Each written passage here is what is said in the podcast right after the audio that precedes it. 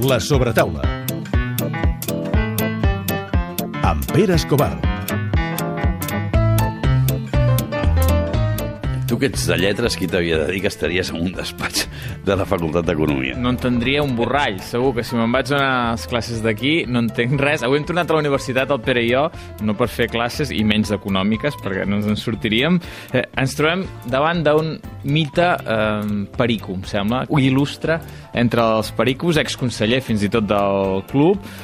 Ara eh, filtrareu algú, però no no molta gent, però si us dic allò de hombre, hombre, Sí, segur hombre. que ja tota la nostra audiència sap que ens trobem cara a cara amb el José María Gaidelia. No, hombre, no. has deixat el grande, com Grande, estàs? hombre, hombre, hombre, hombre.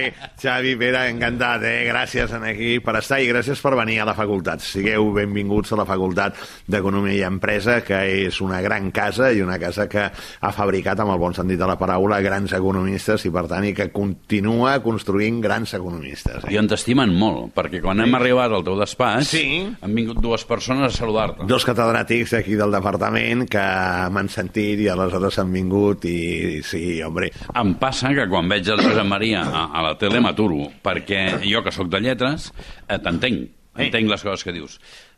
I em passa també que quan t'entenc m'espanta, perquè, Sí. clar, sento coses que, Sí. que, que espanten.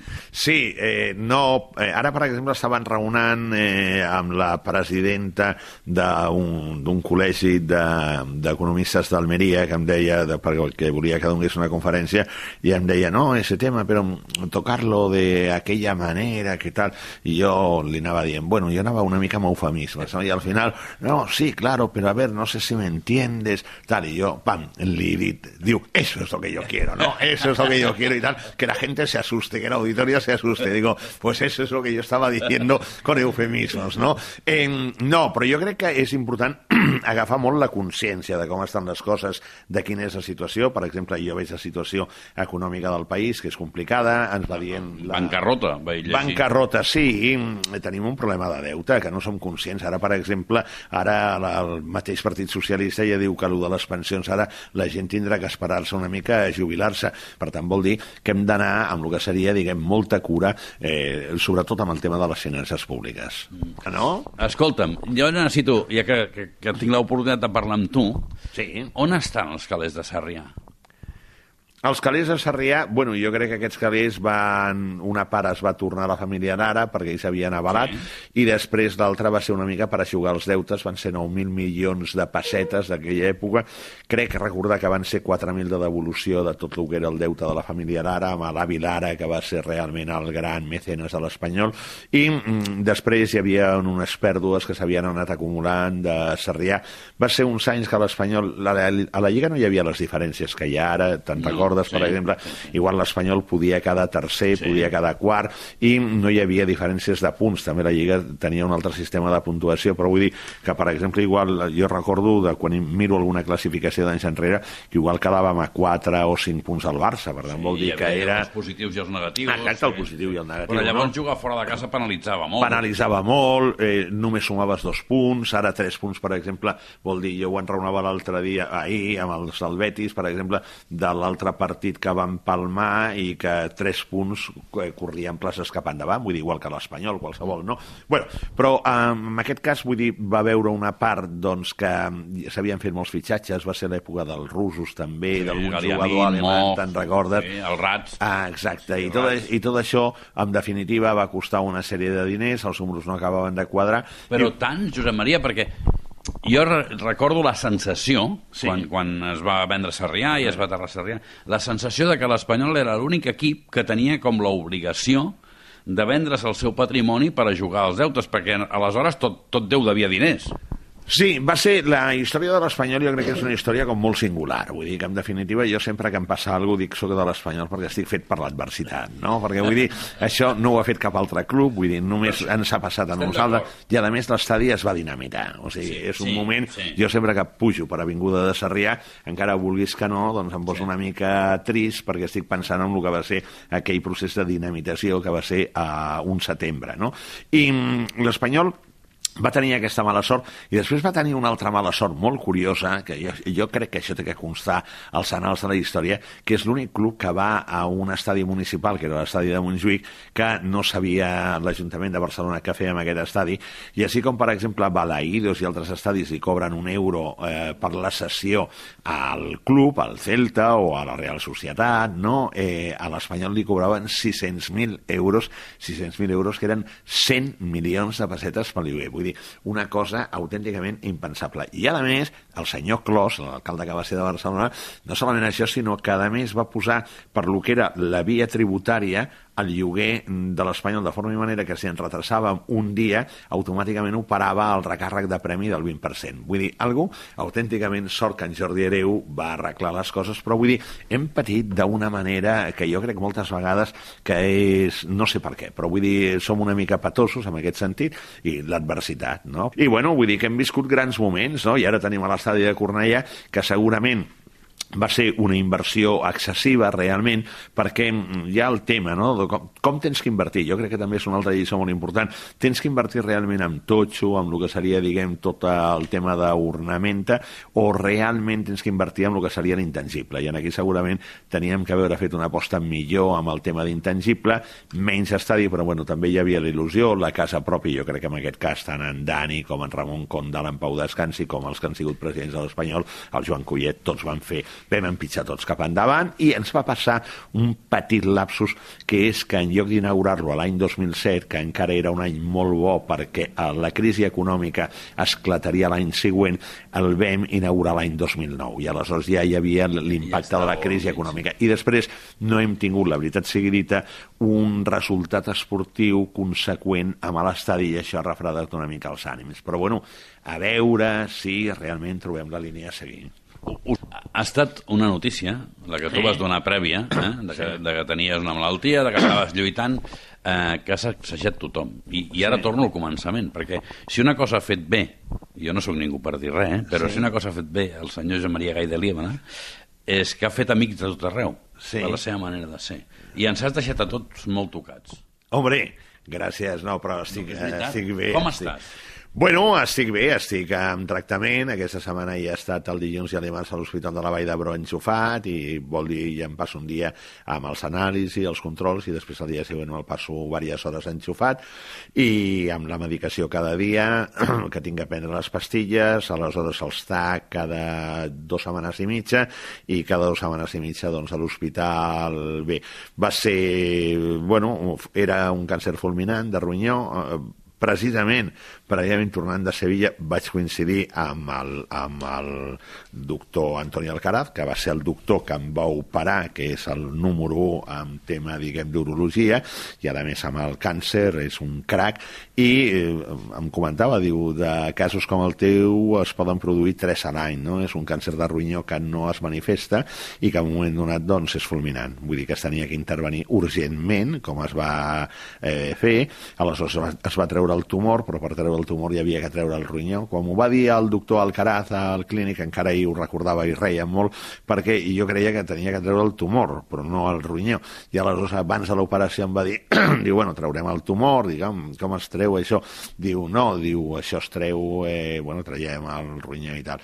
I el que recordo a continuació és eh, cinc infermeres i el doctor Alcaraz reanimant-me perquè em vaig marejar en allà cada cita l'abans d'entrar al quiròfan i ahir a l'Antoni Alcaraz, grandíssim metge, grandíssima persona, encara ho recordava que deia, va ser el susto més gran. Diu, no, la teva operació era una operació molt complexa, és molt complicada i era, requereix una ara especial. Bueno, va anar molt bé l'operació, és, eh, també era un tema que realment el postoperatori pot ser complicat, va anar molt bé i eh, va ser el dia 12 d'abril i el dia 15 de maig em van començar a la Vall d'Hebró amb el doctor Joan Carles Galceran, eh, que és un altre crac impressionant, vam començar el tractament oncològic i mm, la veritat seguida que allà no tinc paraules per, per donar les gràcies a, ni al clínic ni a la Vall d'Hebró per com m'han tractat. I bueno, sé que hem mitigat la metàstasi, l'estem eh, reduint, és un procés molt llarg, és un procés d'anys, i en principi em quedo amb el que són,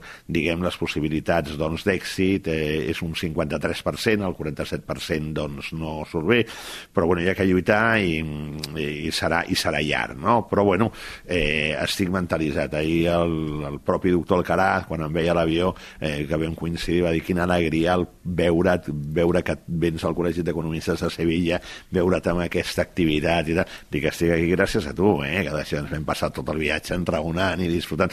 Però bueno, són sotregades d'aquestes i jo crec que val la pena, eh, hombre, a, a poc que les coses et vagin una miqueta bé explicar-ho també, perquè això reconforta la gent i jo crec que anima la gent. O sigui, no és que diguis, escolti, tingui compassió de mi, no, jo l'únic que vull és els metges que estiguin al meu costat, però a la gent un missatge, diguem, doncs, d'entusiasme. I jo particularment, doncs, clar, el dia, el dia 7 eh, d'abril, quan m'ho van comunicar, em vaig quedar, bueno, et pots imaginar, no?, sí. quan et diuen tens càncer i bueno, tal. jo crec que no m'ho puc imaginar. No, Eh que no? no, és, és, eh, et quedes paralitzat, et quedes... A...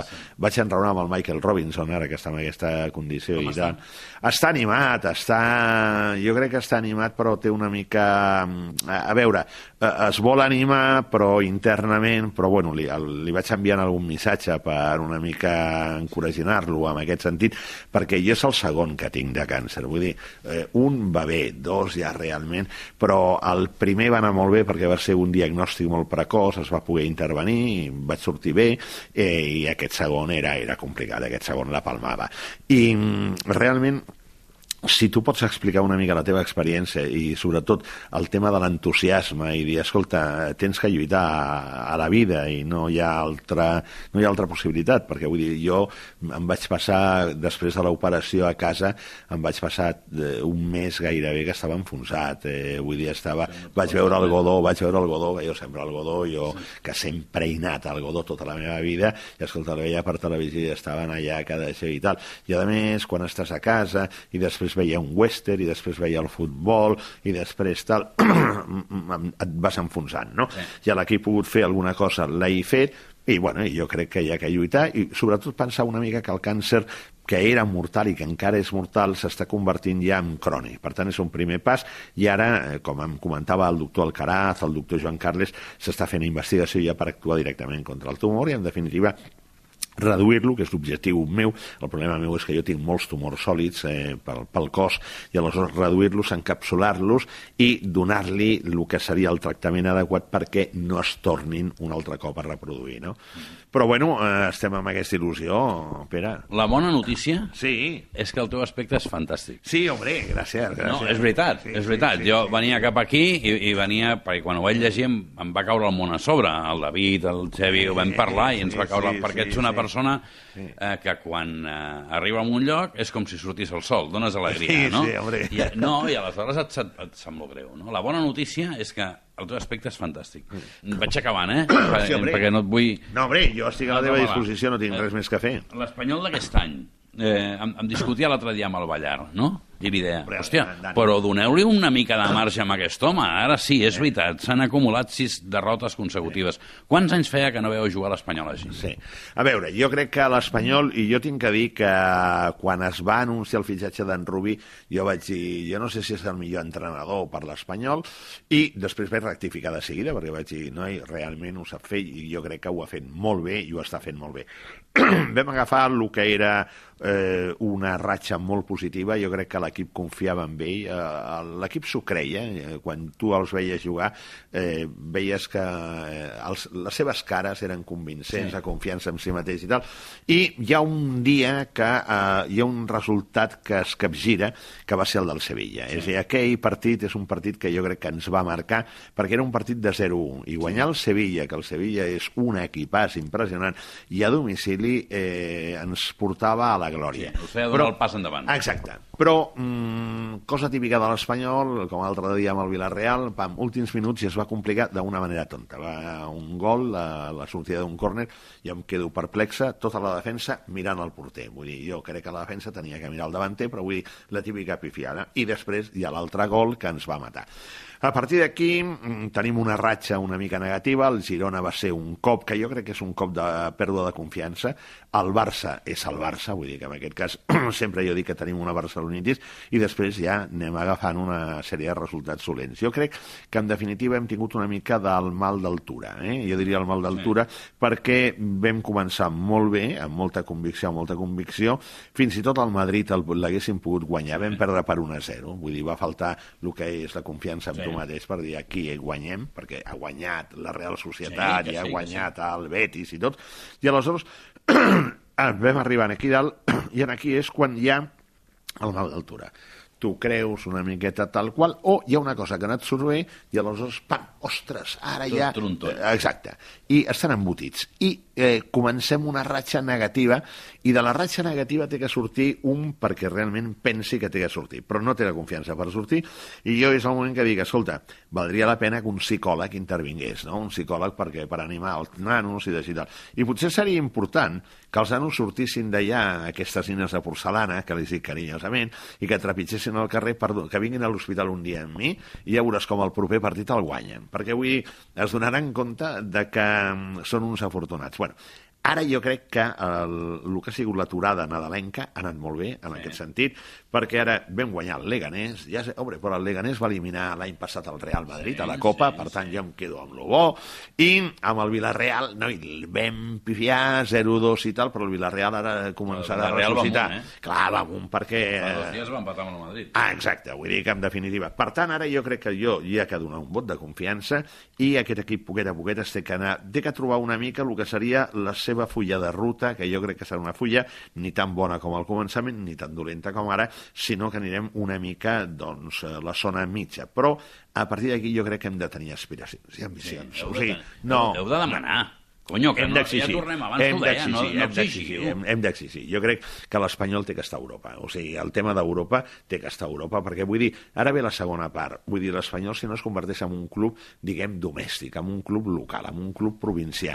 I nosaltres necessitem passejar el nom de l'Espanyol per Europa. Jo recordo quan l'Espanyol va arribar a la final de Glasgow, que un amic meu tornava de Harvard i estava, havia fet, eh, tornava a Nova York, eh, no, Boston, Frankfurt, i a Frankfurt compra al Wall Street eh, Journal versió d'Europa i me l'envia amb una fotografia perquè hi havia una pàgina dedicada a Little Buddha. Little Buddha, el Ivan de la Penya, i entrenament de l'Espanyol, que era l'altre club de Barcelona i tal. Tot això perquè jugàvem la final de Glasgow. Per tant, nosaltres, amb el que seria, a més, en aquest cas, la competència saníssima del Barça i sota la protecció del Barça, jo dic d'aquesta manera, nosaltres tenim un recorregut tremendo perquè el Manchester City no era res i és un gran club. Bueno, nosaltres no som al Manchester City, però compte, però vull dir, som l'Espanyol, després el Barça, el Barça del Girona, del Nàstic, de tots, no? Per tant, hem d'aprofitar aquesta benentesa, però hem d'aspirar a Europa i hem de ser exigents per a Europa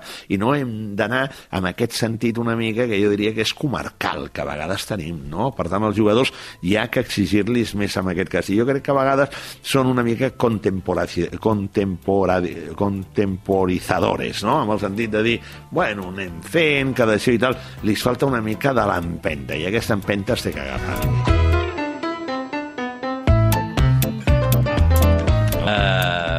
Ara toca passar l'examen, okay, perquè nosaltres tenim un professor. Tens sort perquè és un professor que et donarà punts, com feies tu els que venien a la conferència. Uh, és que com, amb aquest tio no es pot estar trist. És, és molt bo perquè en l'entrevista d'avui gairebé no ens, passa, no ens ha passat molt sovint que jo i el Pere anàvem fent que sí moltes coses que dius, perquè hem parlat mil cops del tema de que els jugadors estan tancats en una bombolla, hem parlat mil cops també del tema que l'Espanyol ha d'exigir més als seus jugadors i gairebé ens ha esclavat moltes de les coses que nosaltres, que nosaltres parlem. Certament, quan veníem aquí, em, clar, nosaltres no et veiem de fa temps, no sabíem com et trobaríem. O sigui, teníem la por de dir, estarà bé, el Joan Maria no estarà bé. Jo, el que he vist, com que he de fer la imatge, pels meus oients, el que he vist avui és un... se't veu molt bé, Joan Maria. Eh, ja no només anímicament, que això, eh, sinó físicament també se't veu molt bé, imagino que tindràs els teus problemes com, com tothom, però eh, sempre diuen que qui té una malaltia d'aquestes hi ha de posar eh, molt d'empeny per, per treure la força i la vitalitat que tu desprens eh, ens fa ser més optimistes gairebé que, que tu. Eh, no se'ns ha passat, no se'ns passa per alt el teu um, periquitisme, per dir-ho d'aquesta manera, no m'ha passat per el teu clauer quan ens has obert eh, la porta amb l'escut de, de l'Espanyol. Oi que sí? Oi que sí? Que, que té... I eh, em quedo sempre... Mira, el, el, cla- el claver amb, amb l'escut de l'Espanyol, em quedo amb la frase frase brutal. Soc de l'Espanyol perquè estic fet per l'adversitat. Això és el que diu la Josep Maria. Eh, com que estàs fet per l'adversitat, la superaràs segur. Gràcies, Xevi, home, Josep Maria. gràcies, Pere, Xevi, gràcies a tot cor. Eh? Ha sigut una estona per mi formidable i molt bé, molt confortable i agraït. I quedes emplaçat Sí, a jugar a Fontanals ah, sí, quan Un vulgui. dia. No, el, el dia que i vulguis. després ens n'anem a dinar a Cal Fabián. A Cal Fabián. Sí, hombre, el, hombre, el, Al el, Pizzero. el rei de les pizzas, eh, hombre, i tant. Bueno, Pere, gràcies. No, gràcies Xevi, gràcies per estar aquí a aquesta casa i en nom de la Facultat d'Economia i Empresa de la Universitat de Barcelona us agraeixo la vostra visita a casa vostra. Gràcies per acollir-nos a casa teva. Per mi, un honor tremendo. Gràcies a tots.